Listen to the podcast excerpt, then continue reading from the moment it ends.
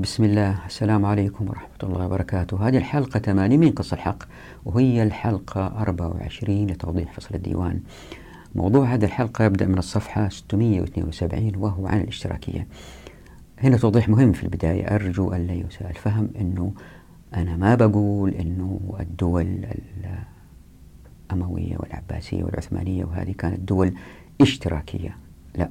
اللي بقوله أنه لأنه مقصوصة الحقوق لم تطبق وأموال بيت المال كثرت اللي صار أنه الإنفاق لهذا المال إذا كان اقتصاد الأمة مثلا خلينا نقول مليار مثلا فمثلا 150 إلى 250 مليون كرقم. طيب؟ وهذه تحتاج أبحاث حتى نثبت كمية هذا المال كم من المال كله فإذا كان اقتصاد الأمة آه، خلينا نقول مليار يمكن ربعه كان خاضع لتسلط بيت المال لأنه آه، سواد العراق لم لم يقسم وبالتالي جميع المناطق التي فتحت معظمها التي فتحت بعد ذلك اتبعت آه، نفس النظام بأنه لم تقسم على الغانمين ولكن ذهبت إلى بيت المال. هذا المال في بيت المال اللي كان حق للغانمين الآن أصبح فيء ولأنه فيء المفروض يقسم حسب ما آه، تنص آية الفيء. لكن اللي صار أنه لأنه المال كان كثير ظهرت آه، بعض الفتاوى والأقوال التي تجيز استخدام هذا المال في بناء الجسور والقناطر وفي دفع هذه الأموال لبعض الذين تحتاجهم الأمة مثل المؤذنين العلماء آه، اللي حفظوا القرآن. بالتدريج في هذا الجزء من المال بدأ يظهر نوع من التلاعب في هذه الأموال لأنه في تشابك اللي تحدثنا عنه تحت عنوان التشابك المقيت في الحلقات السابقة. وهذا بالنسبة للمشاريع وبالنسبة للأفراد بدأ يظهر نوع من التواكل فهو ليس كل الاقتصاد لا جزء منه ما نعرف كم يحتاج أبحاث جزء منه اللي هو كان في بيت المال سحب المجتمع إلى نوع من آه، مساوئ الاشتراكية زي ما راح نشوف إن شاء الله في الفصل القادم القذف بالغيب. الاشتراكية لها مساوئ شديدة لكن لا الذي ظهر في الدولة الإسلامية في هذا الجزء ليس اشتراكية بالمفهوم اللي تكلم عليه ماركس بهذا السوء لا. لكن أدى نوع من التواكل والتبلد بين البعض. هذا آه بدأ يزيد يزيد يزيد مع الزمن. ألين ظهرت بذرة الفساد لأنه في أموال بيت المال. وبالتدريج تغيرت الأمة. ألين وصلت لوضع صعب جدا في نهاية الدولة العثمانية. والآن إلى الملخص. إذا تتذكروا في الحلقة الماضية تحدثنا عن كيف أنه بعض الأقوال ذهبت لإمكانية حبس المال في بيت المال. وهذا طبعا مخالف لسنة الرسول صلى الله عليه وسلم. وهذه السنة وضحناها في فصل دولة الناس. راح نبدأ إن شاء الله بنص من المذهب الحنفي يبين حرصهم الشديد رضي الله عنهم على المال العام. من حرصهم الشديد ابتكروا طريقة لوضع المال في أربع مواضع. والهدف من هذا الوضع هو حتى لا تختلط الأموال في بعضها لأنه كل موضع لمال له مستحقين وله مصادر مختلفة. فاللي صار الآن أنه في استحداث قد يؤدي إلى مآلات الواحد ما يتوقع لكن حدثت بالتأكيد بحسن نية. تلاحظوا في ما ذهب إليه الأحناف وكل المذاهب الأخرى والفقهاء أنه دائما لهم هدف أنه لابد من إنفاق المال في المصلحة العامة. لاحظوا هنا في فرق بين الآية الثلاثة التي سمت المستحقين بأسماء وبينما ذهب إليه بعض المتأخرين أنه تنفق في المصلحة العامة. هذا فرق جذري. بعد كده ننظر إلى نص من العبادي يوضح أنه كيف ذهبوا هؤلاء الفقهاء إلى أن الإنفاق يسع أيضا المصلحة العامة؟ نلاحظ أن هذا الإنفاق المصلحة العامة أدى إلى استحداثين. الأول هو إجازة الإنفاق على المرافق مثل تعبيد الطرق ومثل بناء المساجد. هنا في الحديث عن هذا الاستحداث أثير مسألة مهمة جدا ألا وهي أن الرسول صلى الله عليه وسلم عندما حفر الخندق لم يأخذ مال من أحد ولم يستدين من أحد الأثرياء اليهود ولا وعد أحد بمال مستقبلي أنهم شاركوا في حفر الخندق في وقت كان يمكن الإسلام يباد فيه. يعني أحوج ما يكون الرسول صلى الله عليه وسلم لأخذ المال لحفر الخندق هو كان هذا الوقت. والخندق وقتها كان مرفق مهم وضروري للمسلمين. مع ذلك الرسول صلى الله عليه وسلم نفذ الآيات الثلاث. الاستحداث الثاني هو أنهم وضعوا أربع مواضع مختلفة لهذه الأموال. يعني المال الآن جمع وبالتالي بالتأكيد لأنه في مصلحة عامة في نوع من الإطلاق لأيدي السلاطين في توجيه هذا المال حيثما يروا أنه مصلحة. وهذا قد يفتح باب الأهواء واحتمال استخدام المال في غير مكانه. وهذا الباب أغلقته الشريعة تماما. ثم ننظر لنص من الأموال ونص آخر لابن تيمية يوضح عدم الاعتراض على دفع المال للمصلحة العامة.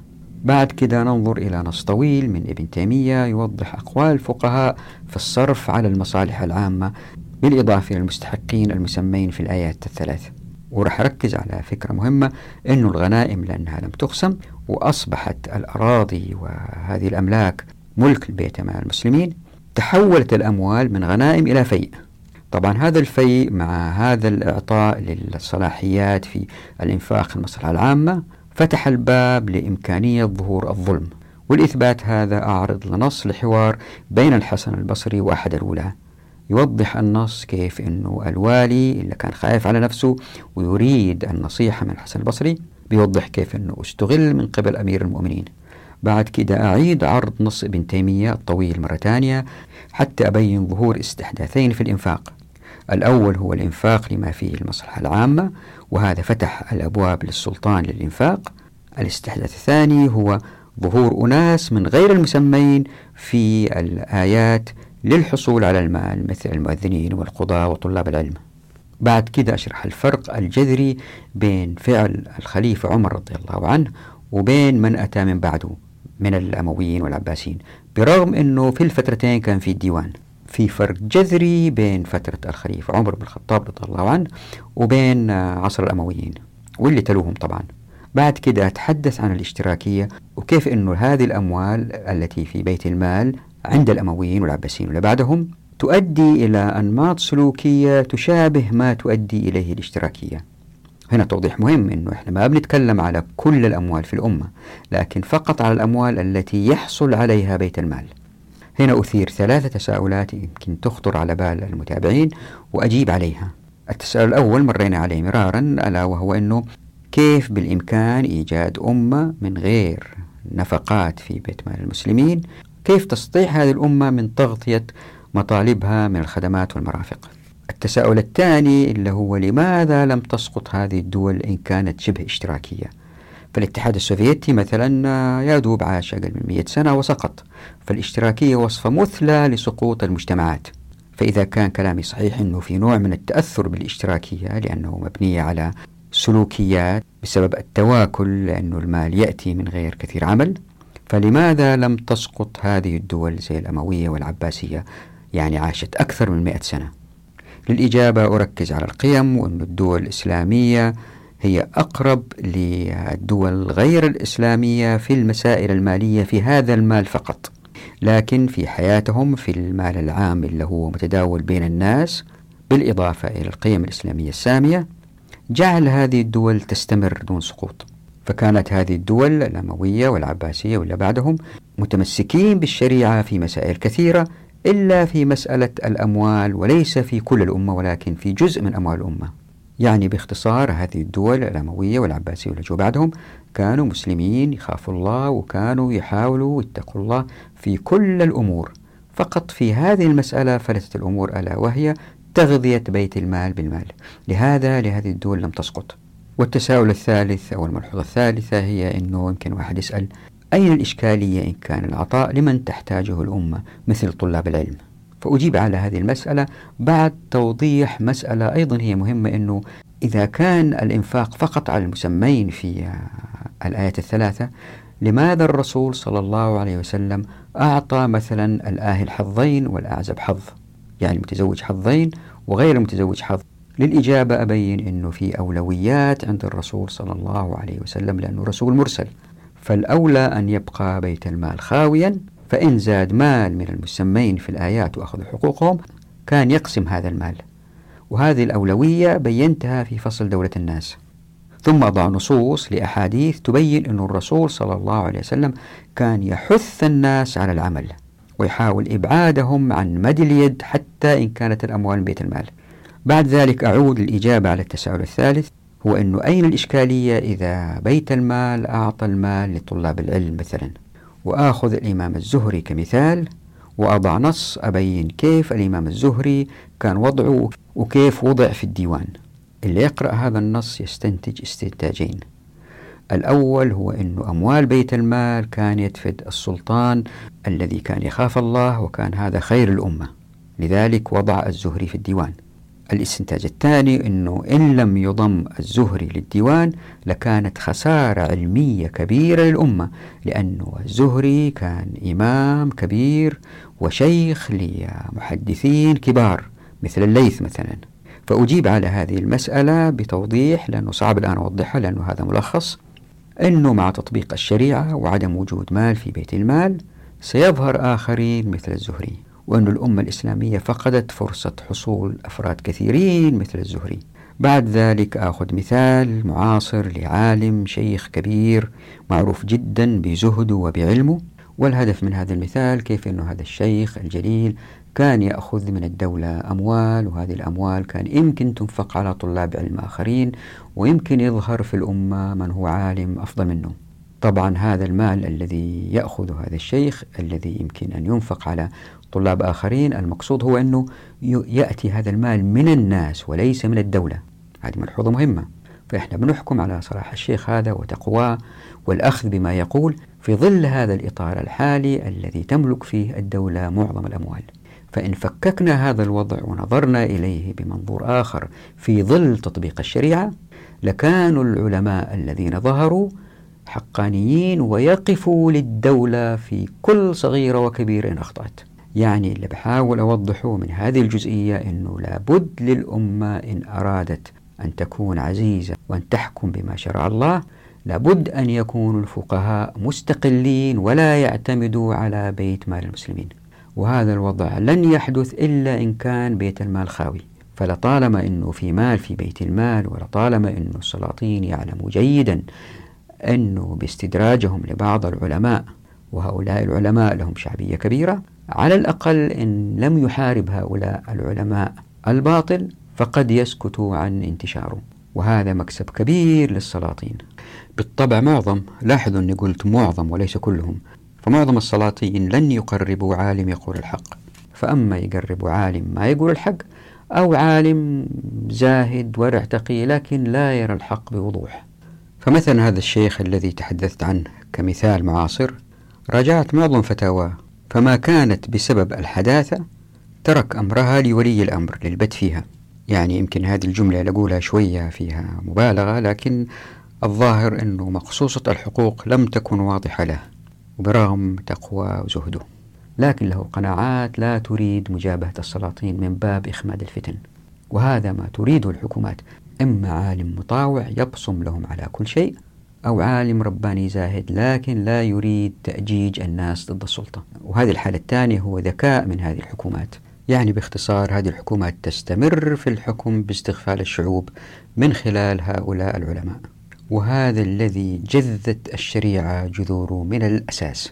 ما في مال من بيت المال لهؤلاء مهما كان ورع وتقي وزاهد. والآن للتوضيح. زي ما هو معروف هنالك فرق بين النظرية والتطبيق.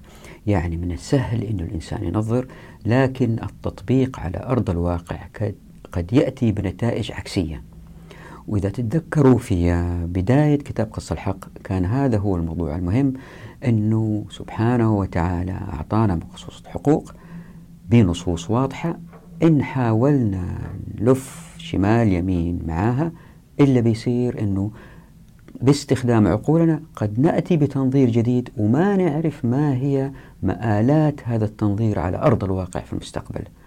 وهذا الذي حدث كمثال نبدأ فيه هذه الحلقة مع المذهب الحنفي برغم أنه كانوا حريصين يعني الذي فعلوه يدل على حرصهم الشديد جزاهم الله خير كانوا حريصين جدا لكن أوجدوا شيء ما كان موجود قبل كذا.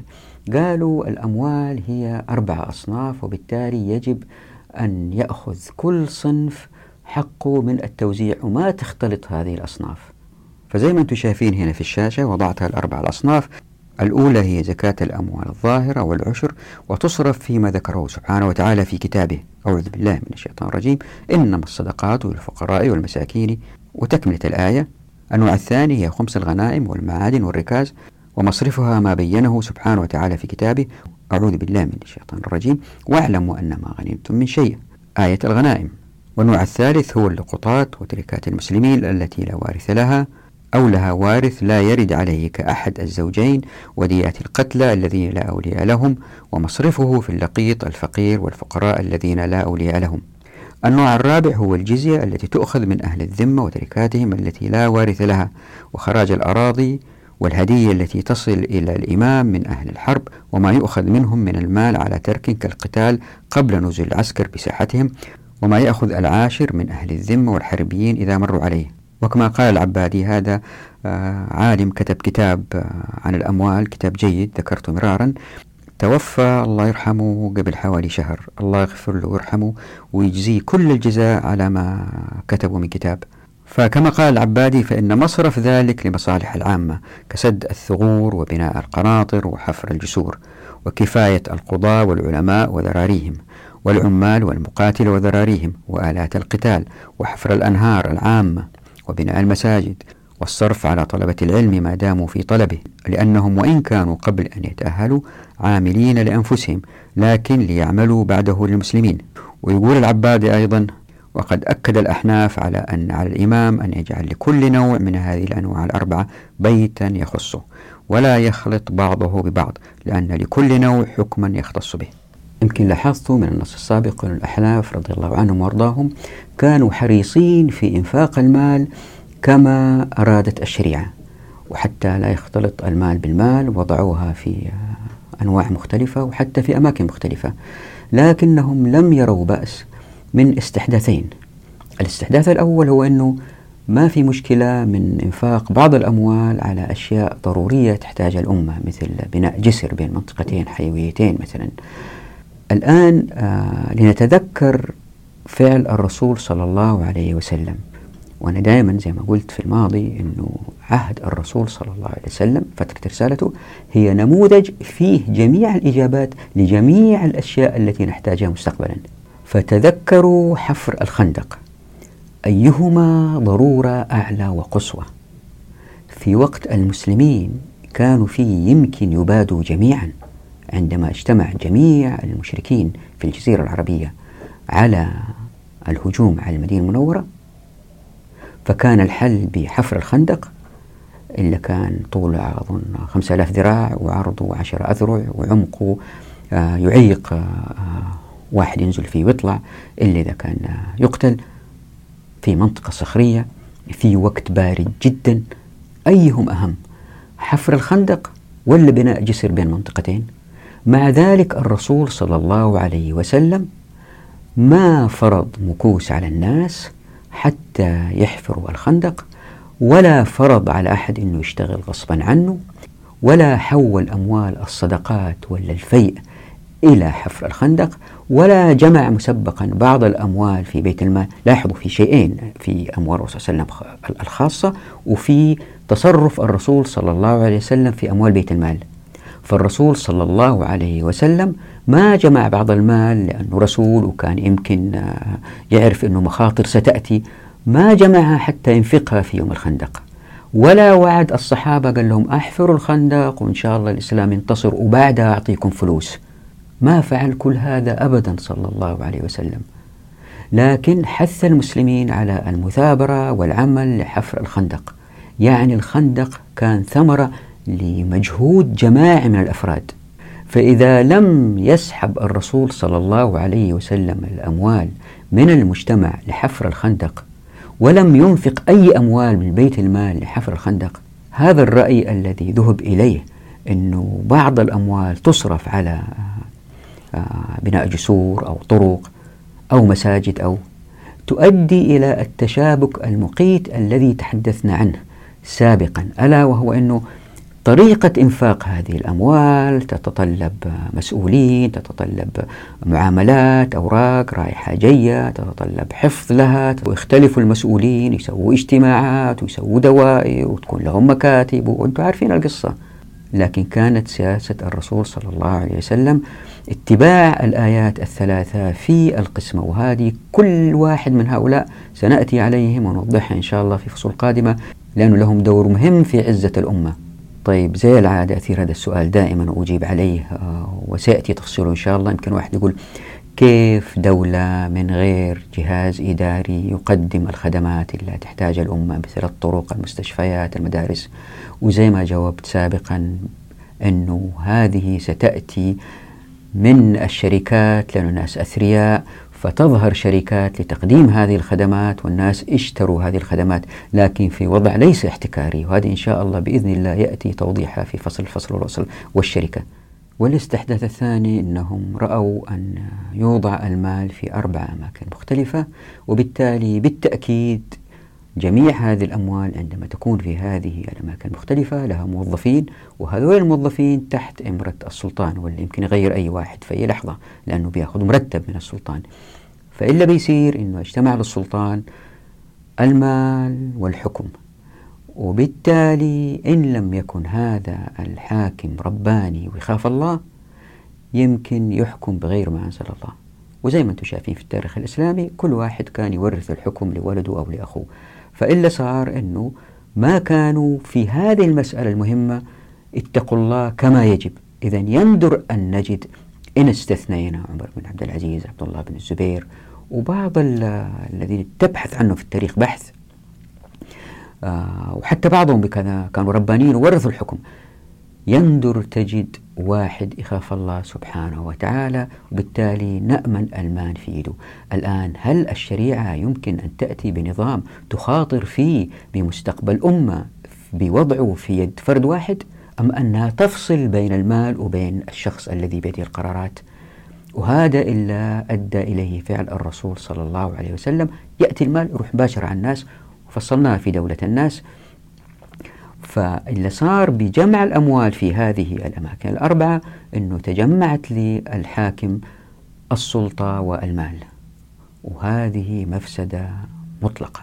بس لا ننسى أنهم عندما كتبوا هذه الكتابات الأمة كانت في وضع قوي جدا ولم تكن مثل الآن يعني وضع جدا مختلف. فما نلومهم على هذا.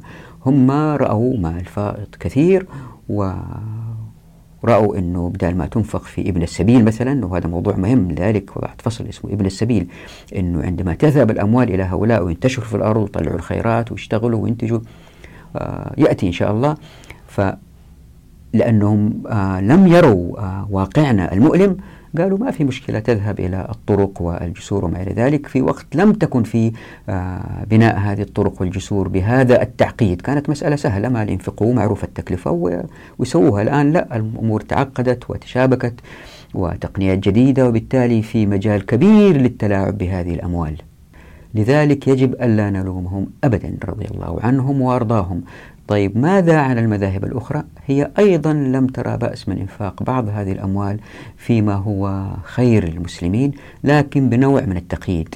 خلينا نأخذ بعض الأمثلة. مثلا جاء في كتاب الأموال عن أنس بن مالك والحسن قالا ما أعطيت في الجسور والطرق فهي صدقة ماضية قال إسماعيل يعني أنها تجزئ من الزكاة يعني شوفوا هنا بعض المال اللي هو المفروض مخصص لأصناف معينة في الزكاة بدأ يذهب إلى المرافق العامة. وفي نص آخر لابن تيمية يتحدث فيه عن مصارف أموال بيت المال عموما في كتابه السياسة الشرعية واللي يقول فيه وكذا صرفه في الأثمان والأجور لما يعم نفعه من سداد الثغور بالكراع والسلاح وعمارة ما يحتاج إلى عمارته من طرقات الناس كالجسور والقناطر وطرقات المياه كالأنهار. فزي ما أنتم شايفين هنا أن النص يجيز صرف الأموال على الأعيان العامة كالطرق والقناطر. وفي نص آخر مهم لابن تيمية وهذا مر علينا في فصل دولة الناس لكن لأهميته آه، أضعه هنا مرة ثانية. هذا النص يلخص مصارف الفي في مذاهب الأئمة. وضعت هذا النص في أربع لوح. أبغاكم تلاحظوا هنا أنه إن لم تقسم الغنائم فالأراضي المفتوحة عنوة تصبح وقف للمسلمين فيذهب خراجها لبيت المال. وبالتالي تصير فيء هذه نقطة مهمة. يعني الأموال اللي كان يمكن تكون في أيدي الغانمين أصبحت فيء وهذا الذي حدث زي ما بينت في فصل دولة الناس. وبالتالي هذه الأموال بهذه الكميات الكبيرة بسبب التنظير بالرأي أصبحت سلاحا في أيدي السلطات. لأن الحق زي ما يعتقدوا شرعا أن تنفقها فيما ترى فيه المصلحة. ليش قلت كيفما شاءت؟ لأن الحق كما يعتقد السلطان أو الحكومة أنه معاها لأنها بتنفقها بما ترى فيه المصلحة. فزي ما أنتم شايفين في النص لابن تيمية أن الفقهاء وضعوا قائمة من النفقات المهمة اللي ظنوا وقتها أنها تجلب الخير للمسلمين سواء كان الإنفاق على الأفراد من غير المخصصين في الآية الثلاثة مثل المؤذنين وطلاب العلم أو الإنفاق على المشروعات مثل الجسور والقناطر. والسؤال هنا هل مثل هذه القوائم تجلب الخير للمسلمين أما أن هناك طريقا آخر أسلم وآمن وآكد من النفقات لجلب الخير؟ وطبعا الإجابة اللي بيحاول يثبتها كتاب قص الحق هو أنه إن طبقنا الشريعة كما أنزلت دون تنظير أو دون اجتهاد فإنه لا مال في بيت المال وبالتالي سيزدهر المجتمع من خلال انطلاق الأفراد وثرائهم. بالتالي ينتشر الخير في كل مكان زي ما رح نشوف إن شاء الله بإذن الله. أما إن تجمع المال في بيت المال فالسلطان أو السلطات هي المسيطرة لا محالة وبالطبع لهذا عواقب وخيمة. خلينا نضرب مثال واحد على إمكانية ظهور الاستبداد. فمثلا جاء في الأثر الآتي عن الحسن البصري.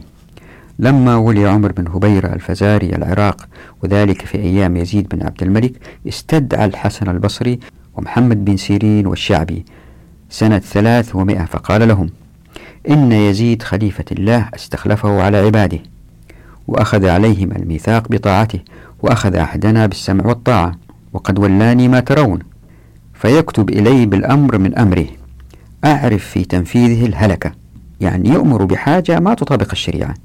فأخاف إن أطعته غضب الله وإن عصيته لم آمن سطوته فما ترون. فقال ابن جرين والشعبي قولا فيه تقية وكان ابن هبيرة لا يستشفي دون أن يسمع قول الحسن. فقال قل ما عندك يا أبا سعيد؟ فقال يا ابن هبيرة خف الله في يزيد ولا تخف يزيد في الله. ويكمل ويريتكم تقرأوا باقي النص حتى تروا كيف كان الوالي في وضع صعب جدا من أوامر تأتي من أمير المؤمنين يمكن تودي في تهلكة. فخوفه من الله عز وجل جعله يستشير الحسن البصري الخروج من حيرته. هنا بالطبع من الخليفة يعني هبيرة كان رجل ورع يخاف الله ويحاول الخروج من مأزقه. لكن ليس جميع العمال كذلك. يعني مثلا في النقيض لابن هبيرة الحجاج أسألوا نفسكم هذا السؤال كيف تمكن الحجاج من قتل من قتل إلا إن كان له أعوان يطيعوه وينفذوا له أوامره حتى وإن كان الأمر بالقتل؟ طبعا لأنهم موظفين وقالوا هذه مصلحة عامة ومقابل المال. لهذا قلت أنه في فرق بين التنظير والواقع. فالله سبحانه وتعالى الذي قص الحقوق لم يصرف المال إلا للمستحقين حتى تنهض الأمة. خليني أعيد هنا الاقتباس الذي وضعته سابقا من ابن تيمية في أربع لوح. أعيده هنا مرة ثانية. لأنه تلاحظوا أنه ظهر استحداثين أساسيين في الإنفاق. الأول هو ما وضحته سابقا من أن بعض الفقهاء لم يروا بأسا من إنفاق أموال الفيء لما فيه المصلحة العامة كالجسور والتعليم وما شابه. وهذه النفقات بالطبع في يد السلطان. يعني الفقهاء فتحوا له باب واسع لإمكانية التلاعب بالأموال. والإستحداث الثاني هو الإنفاق على أناس ليسوا من المسمين في الآيات الثلاث يعني آية الصدقات والغنائم والفيء. وزي ما مر بنا في فصل دولة الناس عند المقارنة بين فعل الرسول صلى الله عليه وسلم وخليفته أي أبي بكر رضي الله عنه الذي ساوى في القسمة وخليفة عمر بن الخطاب رضي الله عنه الذي فاضل. وكنا استنتجنا أنه إن قسمت الغنائم لما تجمعت الأموال بكثرة في بيت المال. يعني الرسول صلى الله عليه وسلم وخليفتيه أصروا على القسمة. أنا ما درست فترة عثمان بن عفان رضي الله عنه لأنه كان فيها شوية آه، اختلافات في الأقوال فأبتعدت عنها شوية وكان يكفي أنه أدرس هذه الفترتين. فالأموال التي اجتمعت في عهد عمر رضي الله عنه وأرضاه قسمت على الناس المسمين في الديوان مباشرة. لا تنسوا أن عمر بن الخطاب رضي الله عنه وأرضاه كان ورع وتقي وعادل يعني يمكن واحد يقول هو أعدل من في الأمة بعد الرسول صلى الله عليه وسلم وأبو بكر. لكن ليس جميع الحكام من بعده كذلك. فالقسمة بين الناس قد يدخلها بعض الظلم في تفضيل بعض المقربين من السلطان كما حدث مع الأمويين وجميع من أتى من بعد من السلاطين. في استثناءات محددة مثل عمر بن عبد العزيز رضي الله عنه. طيب خلينا نقول جدلا أنه الحاكم اجتهد وعدل في القسمة. اللي بيصير أنه المجتمع اقتصاديا في هذا الحيز من المال يظهر وكأنها دولة قريبة من الاشتراكية ليه؟ لأنها لم تتبع الآيات الثلاث. بدليل وجود دواوين العطاء لكن إن طبقت الشريعة بالالتزام بالآيات الثلاث فالمستحقون هنالك محددون. كالفقراء والمساكين والمؤلف قلوبهم. ومن يرغبون في اعتناق الإسلام والغارمين وابن السبيل وتجهيز المجاهد في سبيل الله؟ قبل المعركة طبعا بالعتاد. وليس بالمال كأجر. وزي ما قلت وزي ما راح تشوف إن شاء الله الإنفاق على هؤلاء دون غيرهم سيسحب المجتمع للعزة هؤلاء من يجب أن ينفق عليهم. حتى لو أنتفوا وانتهوا يبقى ابن السبيل المستمر الذي يضرب في الأرض ويكتشف المعادن في باطن الأرض والذي ينقل المعرفة. لذلك وضعت له فصل بالكامل. وحتى إذا اغتنوا الجميع فالفقر مسألة نسبية. فلا بد أن يكون في جماعة من الناس ما لهم أقل ولو بشيء قليل من الباقين. هؤلاء لهم حظ في الفيء. يعني أموال بيت المال بنص القرآن الكريم هي لجماعة محددة. وفي صرف الأموال لهم عزة للأمة زي ما سيأتي إن شاء الله بإذن الله. وهنا في تنبيه مهم أن الذي حدث أيام الخليفة عمر بن الخطاب رضي الله عنه يختلف جذريا عن الذي حدث في الدولة الأموية واللي بعدها. ليه؟ لأنه آه، في عهد الخليفة عمر بن الخطاب رضي الله عنه كانوا يوزعوا على الناس الفائض من المال بعد أن يأخذ المستحقين حقهم. هذا فرق جذري أولاني. بينما في الدولة الأموية ولا بعدها لأنه في دواوين ظهرت جديدة غير دواوين المقاتلين في دواوين العلماء في دواوين الذرية والذراري. فإلا صار أنه بدأوا يسحبوا أموال بطرق مختلفة تحت مسميات مختلفة حتى يغذوا بيت المال حتى يغطوا هذه الدواوين. هذا فرق أول. الفرق الثاني أنه عمر بن الخطاب رضي الله عنه أو إدارته ما أنفقوا أموال على بناء المشاريع كالطرق والجسور وما إلى ذلك. من بيت المال من أموال بيت المال. في العصور اللاحقة بدأوا يفعلوا ذلك وهذا يوجد التشابك المقيت الذي تحدثنا عنه سابقا. وهذا التشابك لحل المتطلبات التي تحتاجها هذه المشاريع توجد نوع من الإدارة التي توجد نوع من البيروقراطية التي توجد نوع من التسلسل الهرمي في المجتمع. وبالتالي يظهر المتنفذون الذين قد يستخدموا سلطاتهم لمصالحهم الخاصة. وهذا الفرق الجذري الثاني. لكن لاحظوا أنه كل هذا الذي حدث في عهد الخليفة عمر رضي الله عنه هو في قسم بسيط من أموال الأمة وليس في كل أموال الأمة. لأن هذه الأموال التي هي كانت آه، غنائم ويجب أن تقسم ولم تقسم أموالها هي التي كانت تصرف على آه، المسمين في الديوان. وليس كل أموال الأمة يعني جزء بسيط من أموال الأمة تحت هذه المظلة التي قد تسحب أحيانا إلى التواكل. وبالطبع لأنه الناس أيام الخليفة عمر رضي الله عنه وأرضاه كانوا صحابة وكانوا تابعين. فكان الوضع جدا مختلف لأن النفوس كانت لا تزال جدا مهذبة متأثرة بعهد الرسول صلى الله عليه وسلم. فلم ينخر النظام والذي تطور في العصر الأموي ليصبح نوعا ما اشتراكيا. فالوضع أيام الخليفة عمر رضي الله عنه أفضل بكثير من العصر الأموي والعباسي والعصور اللاحقة. زي ما بينت سابقا الذي حدث في سواد العراق أصبح نموذج يحتذى به في الأراضي المفتوحة.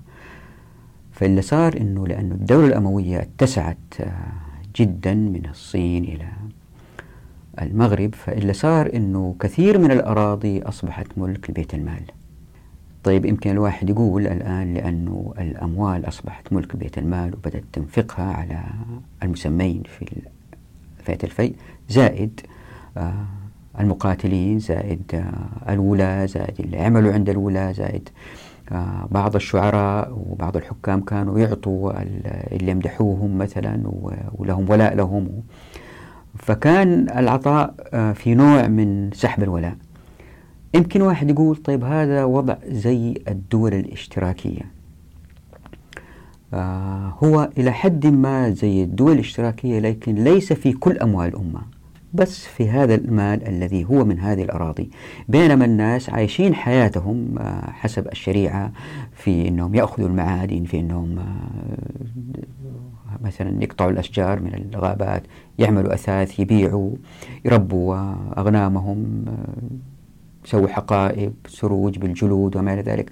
فماشي الحياة الاقتصاد ماشي كما أرادت الشريعة في هذا الجزء لذلك الوضع في الدول الأموية والعباسية اللي بعدها ما كان سيء جدا زي وضعنا الحالي لكن بالتأكيد هو أسوأ من الوضع اللي كان عليه أيام الخلفاء من حيث اقترابه للاشتراكية فاللي صار إنه بدأت تظهر طبقة تعيش على الدولة وليس بالضرورة على العمل من إنتاج الفكر أو اليد أو بيع بيع خدمات.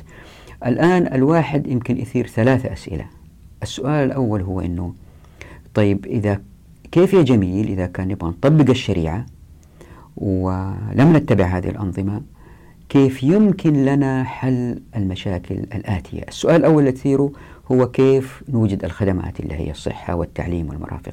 هذه أجبت عليها بسرعة سابقا وسيأتي تفصيلها إن شاء الله نتركها لوقتها لكن باختصار هي تأتي من الأوقاف لأن الناس أثرياء وعندهم أموال يمكن يتركوا بعض أموالهم كأوقاف والأوقاف هذه كمان فيها كلام. وضحتها في كتاب عمارة الأرض اللي حب يشوفها هناك. أيضا بالإضافة إلى ذلك أن الخدمات تباع الناس يبيعوا خدماتهم زي تطلع شركات آه، من غير احتكار زي الشركات اللي تعطي الآن خدمات التلفونات مثلا زي آه، فودافون زي STC. هذه الشركات كلها التي تعطي خدمات الهاتف لكن من غير احتكار فيظهر نوع من التنافس فالشركات تعطي كل هذه الخدمات شركات تسوي طرق شركات تسوي آه، مؤسسة تسوي مدارس تعليمية مستشفيات خاصة. القطاع الخاص يتولى هذا الشيء من غير احتكار. الملحوظة الثانية والتساؤل الثاني الذي يخطر على البال هو يمكن واحد يقول طيب أنت يا جميل بتقول في الدولة الأموية والعباسية بدأوا يقتربوا من النظام الاشتراكي والنظم الاشتراكية في العادة لأنها منخورة من الداخل. اقتصاديا تسقط. فالاتحاد السوفيتي خلال مئة سنة سقط. لماذا لم تسقط هذه الدول؟ عاشت مئات السنين. الإجابة هي كالآتي وأحسن مثال على كده الدولة العثمانية عاشت حوالي 400-500 سنة.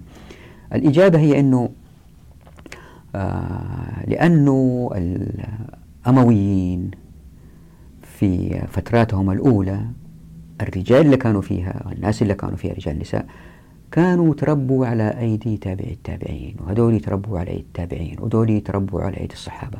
فكانت القيم جدا عالية عند هؤلاء بحيث أن الأموال لم تؤثر فيهم كثيرا.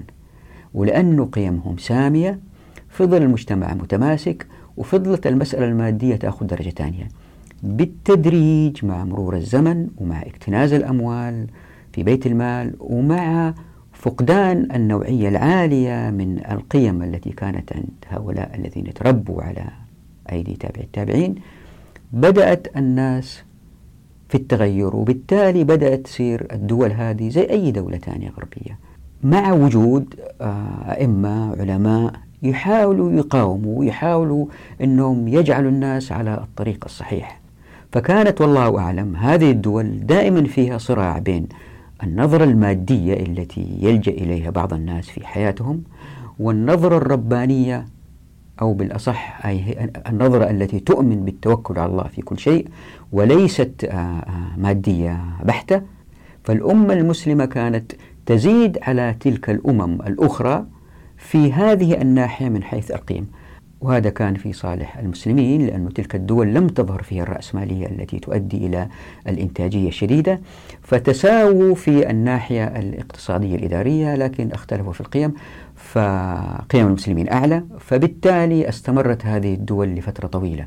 المسألة الثالثة أو الملحوظة الثالثة يمكن واحد يقول طيب إيش المشكلة يا جميل إذا كان الدولة أعطت الناس أموال غير المسمين فئة الفيء ما في مشكلة الدولة غنية والأموال كثيرة. ويمكن هذول الذي يأخذوا الأموال يستثمروها في بناء مصانع في بناء آه، في استحداث مشاريع تشغل الناس اللي ما عندهم رؤوس أموال. لا سيما أنه الدولة الإسلامية الواحد أحيانا يمكن يقول هي دولة تكافل اجتماعي فالفقراء المساكين الغارمين اللي بيعتقوا أنفسهم إذا كانوا عبيد هؤلاء لهم حق في في الزكاة. الجواب هو كالآتي في فرق شاسع بين حالتين. الحالة الأولى هي أنه الغنائم آه، قسمت وفي فيء قليل وبالتالي الأموال هذه التي للفيء أو الزكاة تعطى للمستحقين. وهؤلاء المستحقين لأن أبواب التمكين مفتوحة في الموارد والموافقات والمعرفة يشتغلوا ويمشوا في حياتهم إلا ما يقدروا لأنهم عجزة لأنهم مشلولين. هؤلاء لهم حقوق في الزكاة. لكن مع أموال الفيء التي هي الفقراء المساكين وابن السبيل هؤلاء يخرجوا من الفقر ويصيروا ناس يزيدوا في اقتصاد الأمة. هذا وضع يختلف تماما عن أنه الغنائم لا تقسم وبالتالي يكثر المال في بيت مال المسلمين وبالتالي يعطوا بعض الناس غير المسمين وهؤلاء في العادة قد يكون من أصحاب الحسب والنسب أو السلطان يحاول يقربهم أو يكونوا من الشعراء أو يكونوا من الأدباء أو يكونوا من الحفظة أو يكونوا من العلماء. اللي صار في السابق إذا تنظروا للتاريخ مشابه جدا للي صاير في حالنا الآن. البشر بشر في كل الأزمان. لهم غرائز لهم أهواء لهم مطامح لهم مطامع إلا بيصير أنه يستخدموا المال لهذا الشيء. فزي ما كان في علماء سلاطين الآن كان في علماء سلاطين في السابق. فاللي صار أنه تظهر طبقة في المجتمع لأنها بتأخذ المال من السلطان من غير كثير عمل. تتولد عندها فكرة أنه ممكن الحصول على المال, على المال والعمل ممكن الحصول على المال من غير كثير عمل. وهذه تؤثر في سلوكيات المجتمع بالتدريج. فيظهر طائفة من المجتمع اللي هم متكاسلين ومتبلدين لا ننسى الكلام الذي قاله ابن تيمية نقل عن الشافعي رضي الله عنه وارضاه. فزي ما أنتم شايفين هنا على الشاشة وضعت من الاقتباس اللي رأيناه عن ابن تيمية قوله الآتي لكن مذهب الشافعي يعني ابن تيمية بيقول لكن مذهب الشافعي وبعض أصحاب أحمد أنه ليس للأغنياء الذين لا منفعة للمسلمين بهم فيه حق.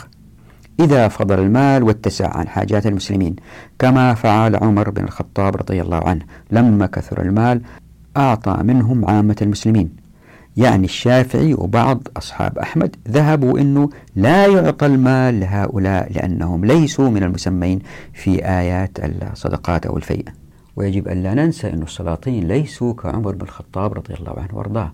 فالذي حدث أنه بالتدريج تكونت هذه الطبقة التي تسمع كلام السلطان وهذه الطبقة لأنه تريد أن تستفيد وتريد الكثير من المال إلا بيصير إنه بيفتحوا أبواب جديدة زي ما راح نشوف إن شاء الله في فصلين قادمين يتحدثوا عن هذه المسائل هم القذف بالغيب والمكوس. كيف الدول بدأت تفتح أبواب جديدة لسحب الأموال من الناس حتى هذه الطبقة تعيش نوعا ما مرفهة؟ وهذا الطريق يختلف تماما عن أنه الغنائم تكون قسمت والفيء قليل ويعطى للمستحقين وهؤلاء المستحقين لأنه أبواب التمكين مفتوحة في الموارد والموافقات والمعرفة بيشتغلوا وبيصبحوا أفراد منتجين. وهؤلاء الذين كان يمكن يستمي لهم السلطان لأنه ما في أموال ولا يقدر يستمي لهم ما لهم طريق للحياة إلا أنهم يشتغلوا ويثابروا. فتصير ذهنية المجتمع كله مبنية على العمل والعطاء. وبالتالي الأمة كلها تعتز. وبالتالي هؤلاء الذين ينتجوا لأنهم بيخرجوا الزكاة وتعطى لي اللي هم مرة ما يقدروا يشتغلوا واحد مشلول واحد آه، فقير مسكين. آه، هؤلاء عندما يأخذوا الأموال المجتمع يعيش مرتاح لأنه ما في إشكاليات صغيرة تصدر هنا وهنا زي الجرائم السرقة ولا والتحايل على جمع المال وما إلى ذلك. آفات كلها سيأتي إن شاء الله ذكرها لاحقا. كلها بسبب ظهور الفقر. عندما ينتفي الفقر المجتمع في الغالب كله يكون سليم. إلى درجة راقية جدا جدا جدا. طيب يمكن واحد يثير مسألة يقول طيب يا جبيل في حديث أبو داود أنه الرسول صلى الله عليه وسلم كان يعطي الآهل حظين والأعزب حظ. يعني هؤلاء ليسوا من المسمين في الآية الثلاث. نعم لا ننسى مسألة مهمة أنه كان الرسول صلى الله عليه وسلم يعطي المستحقين وبعدين يكون في فائض مالي. هذا الفائض المالي حتى لا يبقى في بيت مال المسلمين لأنه في الغالب هو من الفيء فمثلا الغنائم كانت تقسم في الموقع ولا يعود فيها البيت المال. انتهى كل شيء في الموقع. الصدقات كانت في الغالب تقسم في آه، أماكن تجمع الناس على مياههم زي ما شفنا في فصل الأموال. ويمكن الناس يخرجوا بأنفسهم. ويمكن إذا كان يعني أو في الغالب إذا أعطيت للسلطان إذا كان يخاف الله والناس وثقوا فيه لأنه تذكروا زي ما قلنا أنه الزكاة وكأنها تصويت. إذا كان الحاكم عادل الناس يعطوه الزكاة. إذا لم يكن عادل يفروا منه ويعطوها يخرجوا أنفسهم كلام طويل في هذه المسألة في الأمر الظاهر والباطن يا ريت تشوفوا حلقات الأموال. ففي الحالة هذه إذا وصلت أموال الزكاة أيضا للحاكم فلها مصاريفها ويعطيهم هي. فالمال الوحيد الذي يمكن يعطي منه السلطان للناس اللي هم ليس مسمين هي أموال الفيء وانتبهوا هنا أن الرسول صلى الله عليه وسلم زي ما قلت سابقا أنه كان عنده أولوية أنه ما يبقى مال في بيت المال وينام في بيت المال. كان ينفق مباشرة قبل ما يجي الليل حتى لا يكون نقطة جذب للمنافقين. يعني في أولويات. الأولوية أنه لا يبقى المال في بيت مال المسلمين حتى لا يجذب المنافقين. هذه فوق أولوية أنه يمكن نعطي بعض اللي هم ما هم مسمين في آية الصدقات. فكان الرسول صلى الله عليه وسلم عندما يفيض مال حتى لا يبات في بيت مال المسلمين يعطي لهؤلاء هنا في توضيح مهم يا ريتكم تلاحظوه أنه في صفحة 679 من كتاب قص الحق في السطر العاشر. آه الكتاب انطبع لذلك بنبه عليه أنه الإنسان قد يعتقد أنه في خطأ. هو ليس خطأ. أنا قلت أنه آه أي بعد أن يستنفذ حقوق المسمين في الآية الثلاث كل يأخذ حقه من مصدره. فالمؤلف في قلوبهم وأهل البيت مثلا ليس لهم حق في الصدقات. المقصود أنه طبعا أهل البيت ما لهم الحق في الصدقات. كان الهدف زي ما وضحت تحت الحرف قا أربعة يا ريتكم إذا رجعتوا لها. أنا أنبه هنا ليه؟ لأنه هي مسألة ما هي مهمة تفصيلية بس لأنه الكتاب آه انطبع في اللي يقرأها يفكر أنها غلطة. هي يمكن خطأ مني في التعبير. فلأني ما وضحتها في النص. إذا تقرأوا آه الحرف قاف أربعة بينت أنه آه بقول فيه لأن الغنائم كانت ستقسم في الموقع إلا الخمس وكذلك الصدقات التي كانت تقسم في موقعها إلا إنفاض فإنه سيذهب للمناطق الأقرب كما سيأتي بيان في فصل ابن السبيل. يعني لأنه أموال الزكاة كانت في الغالب آه، تقسم في موقعها أو الناس خرجوها. ففي الغالب المؤلفة قلوبهم ما يجيهم شيء لأنه الناس يعرفوا بعض الفقراء والناس يعرفوا بعض هم ولازم آه، تقسم آه، في الموقع لأنها تعطى للأقرب فالأقرب فبالتالي يندر أن المال يذهب إلى السلطان في العاصمة والذي عندها قد يعطي المؤلف قلوبهم.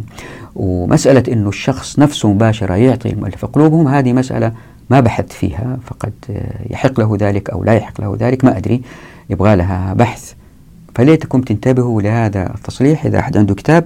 أما يشيل المؤلف قلوبهم من النص أو أنه انتبه أنه المقصود أنه يندر أن يأخذوا آه، مال. فأنا أخطأت في التعبير عندما قلت آه، ليس لهم حق في الصدقات.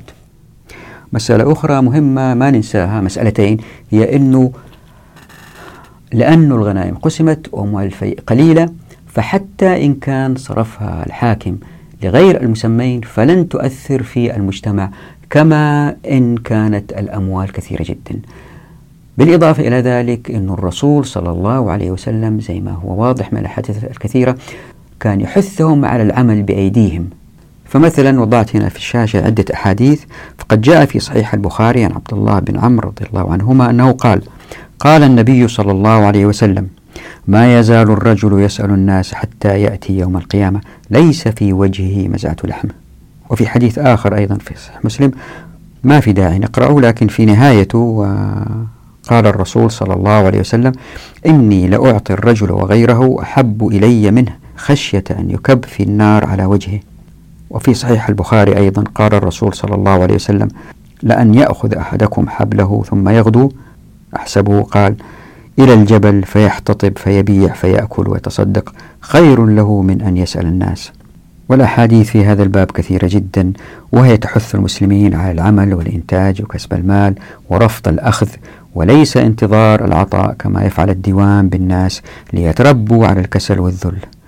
طبعا فرق واضح بين الحالتين ما فعله الرسول صلى الله عليه وسلم وما يفعله الديوان. يمكن أيضا البعض يضرب مثال أنه مثلا الإمام الزهري من التابعين وهو عالم كبير وكان في الديوان فإذا لم يكن هنالك ديوان وعطاءات لبعض المتميزين مثل هؤلاء يمكن الأمة تتأثر سلبا فلا بد من العطاء لبعض هؤلاء الأفذاذ. هنا وضعت في الشاشة من كتاب تاريخ مدينة دمشق آه وصف لكيف آه الإمام الزهري أنضم إلى الديوان. فيا ليتكم تقرأوا اللي في الشاشة عشان تروا ما في داعي أقرأها كيف أنه الإمام الزهري انضم إلى الديوان. والآن أقرأ نص من كتاب آخر لأنه قصير ما في داعي أحطه في الشاشة من كتاب سير أعلام النبلاء. عن عبد الرحمن بن عبد العزيز قال سمعت الزهري يقول نشأت وأنا غلام لا مال لي ولا أنا في ديوان وكنت أتعلم نسب قومي من عبد الله بن ثعلبة. اللي يقرأ المكتوب هنا في الشاشة يمكن يقول في نقدين على اللي بتقوله أنت يا جميل. الأول هو أن السلطان في هذه الحالة كان فقيه لدرجة أنه كما جاء في أثار أخرى كان يحاول الوقوف على فقه الإمام الزهري. يعني بالتالي أنه كان بيمحص الإمام الزهري فوقوع أموال بيت المال في يد سلطان كهذا هو خير للأمة. وبالتالي يمكن واحد يستنبط أنه الإشكالية ليست في مخصوص الحقوق لكن في السلاطين إلا ما توفقوا المسلمين فيهم. والنقد الثاني هو إذا لم يضم عبد الملك بن مروان أثابه الله. إذا ما ضم الزهري في الديوان ما تمكن الزهري من التفرغ للعلم ولما وصلتنا الكثير من الآثار التي لا تقدر بثمن من خلال تلاميذه. من تلاميذه؟ مالك والليث بن سعد والأوزاعي وسفيان بن عيينة وربيعة الرأي. هؤلاء عظماء. فما بالنا بشيخهم الزهري. طبعا جوابي يكون كالآتي. بالنسبة للنقد الأول أن الحكام العدول مثل عمر بن عبد العزيز كما أثبت لنا التاريخ هم نوادر جدا. فمن عدل سبحانه وتعالى أن يضع للأمة مقصوصة حقوق لا تؤدي إلى الوقوع في هؤلاء الحكام الذين يسيئوا استخدام أموال الديوان. بل دائما الأمة يجب أن تحظى إن طبقت مقصوصة الحقوق بحكام مثل عمر بن عبد العزيز. فمن عدله سبحانه وتعالى أن يعطينا كأمة الفرصة للوصول إلى حاكم يتقي الله. وهذا الحاكم الذي يتقي الله لن يصل الحكم إلا إن طبقت مخصوص الحقوق لأنه ما في أموال في بيت المال وبالتالي ما عنده رجال الحاكم عشان يسخر فيها المجتمع على أهواءه يجب عليه أن يحكم بالشريعة. وإن لم يفعل يفقد الحكم مباشرة. وفي حالة مثل هذه لأنه يحكم بالشريعة طوعا المؤمنين سيكونوا طائعين له ويطيعوه اختيارا منهم. وهذه وصفة مثلى لأمة قوية جدا. حاكم يطيعوا المؤمنين اختيارا طاعة كاملة. وليس كوضعنا الحالي آه نطيع إذا في فلوس ما في فلوس يمكن نتمرد يمكن ما نطيع يمكن ننافق. يعني أمة مشروخة. ويمكن النقد الثاني هو الأقوى وهو أنه إن لم يكن هناك ديوان لما ظهر الزهري. جوابي هو لاحظوا أن الزهري كما في القصة تمكن من الوصول الحاكم أولا لأنه ذو نسب عريق فهو قرشي ويلتقي مع الرسول صلى الله عليه وسلم في نسبه. لذلك اقتنع الحاكم بلقائه ثم بقدراته ثم وضعه في الديوان. يعني إذا لم يتمكن الزهري من الوصول الحاكم إذا لم يكن من أصحاب النسب العالي وإذا لم يقتنع الحاكم بشخصيته لأنه قد لا يكون حاكم عادل لما حصل الزهري على المال ولم يتفرغ بالتالي للعلم. ويمكن يكون مات كأي شخص عادي كالكثيرين اللي كان يمكن يكونوا مثل الزهري. إن أتيحت لهم الفرصة. فالخالق الخلاق البديع البارئ المصور اللي خلق الزهري خلق غيره كثير لكنهم لم يتمكنوا من الوصول للسلطان. انظروا الآن إلى المناطق المدمرة مثل العراق وسوريا. كم فيها من أطفال نابهين أذكياء ما يعرفوا يقروا ويكتبوا. يعني بسبب الديوان الواحد يمكن يقول الأمة فقدت الكثير من العلماء الواعدين لأنهم اضطروا للعمل مع أباهم في الصناعة أو التجارة لفقرهم أو حتى أنهم أصبحوا أيتاما من المساكين الذين يتسورون في الطرقات. لكن إن طبقنا الشريعة وكانت الأموال لأنه ما في ديوان. كانت في أيدي الناس والناس صاروا أثرياء. بالتالي هؤلاء الناس من خلال الزكاة ومن خلال الأوقاف ومن خلال دعم هذه المدارس التي تدرس كانت في فرصة لهؤلاء الفقراء اللي كان يمكن يكونوا مرميين في الشوارع كان يمكن دخلوا المدارس وأصبحوا من النابغين ولتغيرت الأمة تماما. هذه مسألة راح أوضحها إن شاء الله مسألة المستهلكات الموجودة في الأسواق هل هي من الضروريات أو الكماليات أو الحاجيات؟ هذه تأتي إن شاء الله في فصول قادمة ستروا أنه إن طبقنا مقصوصة الحقوق المتوفر في الأسواق من مستهلكات معظمه يكون من الضروريات ثم الحاجيات. الكماليات تكون نادرة. في الحالة هذه لن يسيل لعاب الناس لشراء المستهلكات الباذخة من الأسواق ولأنهم بيشتغلوا وينتجوا لأنهم مستمتعين بالعمل عندهم فائض مالي بالتالي عندها يعطوا الأوقاف ويعطوا المدارس ويتبنوا الفقراء الأذكياء من الأطفال. عندها ينتشر مثل هؤلاء الأطفال الأذكياء اللي يمكن يتعلموا ويكونوا منتجين للأمة. في شتى المجالات في صناعة الكمبيوتر في الفقه في الطب في كل المجالات. لكن الداعية هي أنه لما كانت الأموال موجودة في بيت المال والسلطان يتحكم فيها بدأ يسير هؤلاء العلماء في النادر ينجو عالم أو إمام منهم. فحتى نكمل هذه القصة عن الزهري كان الزهري رحمه الله يرفض أن يكتب حديثه في مجلسه لأنه كان يريد من الطلاب أن يكونوا أكثر إنصاتا وانتباها ليتعودوا على الحفظ. بعدين أمر هشام بن عبد الملك بأمر الخليفة أن يكتب لأبناء الخليفة شيئا من الحديث ففعل ومن ثم فتح الباب لطلابه حتى يكتبوا. زي ما أنتم شايفين هنا في الشاشة فقد جاء في مصنف عبد الرزاق أن زهري قال كنا نكره كتاب العلم حتى أكرهنا عليه هؤلاء الأمراء فرأينا ألا نمنعه أحدا من المسلمين. طبعا الإمام الزهري وما أدراك ما الزهري يعني عالم كبير ولا يمكن أن يخضع لأمر السلطان لكن إلا صار أنه في هذه الحالة السلطان طلب منه طلب طلب يعني مش أمر. فإلا صار أنه مجاملة لهذا الوضع غير وجهة نظره.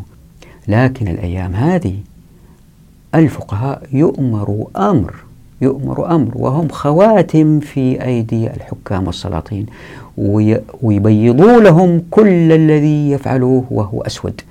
وهذا له جذر في أن الأموال اجتمعت في بيت المال وتمكن بالتالي الحاكم منها. وبالتالي الأمة الآن في ضياع. والآن أخيرا خليني أعطي مثال معاصر لتوضيح هذه المسألة. يعني ولاء أو تأثر الفقهاء بقوة السلاطين.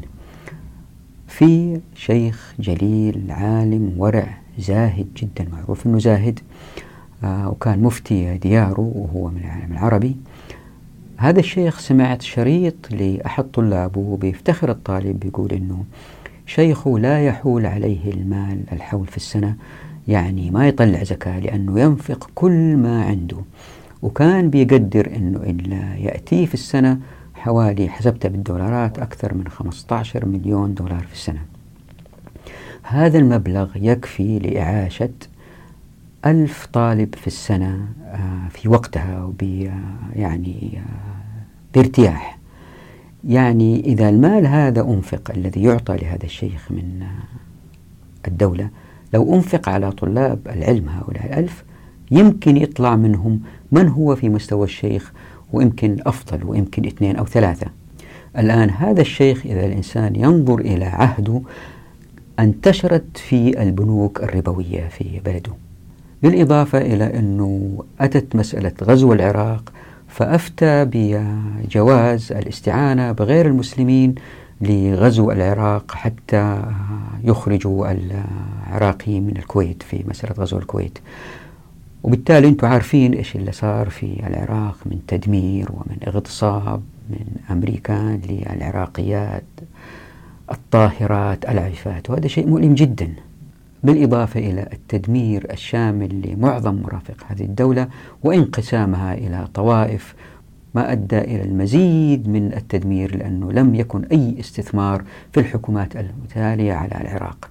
فإن لم تكن هنالك فتوى وإن وقف هذا الشيخ بقوة أمام ما تريد بلده فعله لتغير مجرى التاريخ في هذه المسألة. طبعا هذه مسائل أقدار ما نقدر نتحدث فيها ما نقدر نقول لو لكن أنا ما بحاول أبين هنا أنه السلطان أثر على قرارات هذا الشيخ لأنه نزيه وورع وتقي.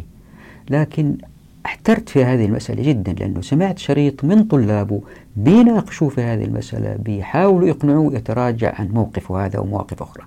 فلأنه شيخ وجليل وكانت عنده بعض القناعات وقد تكون صحيحة ويمكن أكون غلطان مثلا منها أنه ما يصير الواحد يحدث الإمام علنا أو يخرج عليه ولا بد أنه ينصحه في السر. فبالتالي وجهات نظر الناس اللي كانوا في الشريعة لم تكن مؤثرة في مسار الدولة. طبعا هذا وضع يوضح حالة شيخ تقي ورع نزيه. لكن مع شيوخ آخرين اللي صار أنه بعض الدول بتشتريهم بفتات من الأموال وبعضهم بتنشرهم أكثر وأكثر في وسائل الإعلام حتى يخبت ولا يظهر الحق. تخيلوا ماذا يحدث إن طبقت الشريعة إلا بيصير لأنه الأموال في أيدي الناس. العلماء الذين سيظهروا من هذه المدارس اللي هي أوقاف مثلا ولا هي من آه، خدمات الناس بيشتروها ويدخلوا أولادهم في مدارس أفضل لأنها تعطي تعليم أفضل لأنه في سباق بين المدارس من خلال من خلال المؤشرات نقيس أي مدرسة أفضل. إلا بيصير أنه سنحصل على علماء أفاضل أجلاء بل أيضا يقفوا للحاكم بالحق عندئذ ينتشر الحق أكثر وأكثر في المجتمع لأنه ما في عالم يخاف من أي سلطان. عندها أي حاكم لأنه ما عنده أموال يعطيها للسلاطين آه، آه، للعلماء إلا بيصير أنه دائما يخاف من العلماء لأنهم ربانيين ودائما يقولوا الحق وما يخافوا من أحد. عندها يجب عليه أن يحكم بالشريعة. عندها تكون الأمة عزيزة وتقود باقي الأمم وتخرج الكرة الأرضية من التلوث. الحلقة القادمة قد تكون الحلقة الأخيرة في فصل الديوان. طبعا إحنا ما انتهينا من هذا الفصل لأنه حتى ننتهي وأشرح بنفس الوتيرة اللي إحنا ماشيين عليها. يمكن نحتاج أربع خمس حلقات لكن لأنها هي عن التاريخ نتحدث تحدثت فيها في الكتاب عن الأمويين ولا العثمانيين بالذات بنوع من التفصيل لا أريد الدخول فيها لأنها تاريخ وحتى لا تكون الحلقات مملة. نراكم على خير في أمان الله ودعواتكم.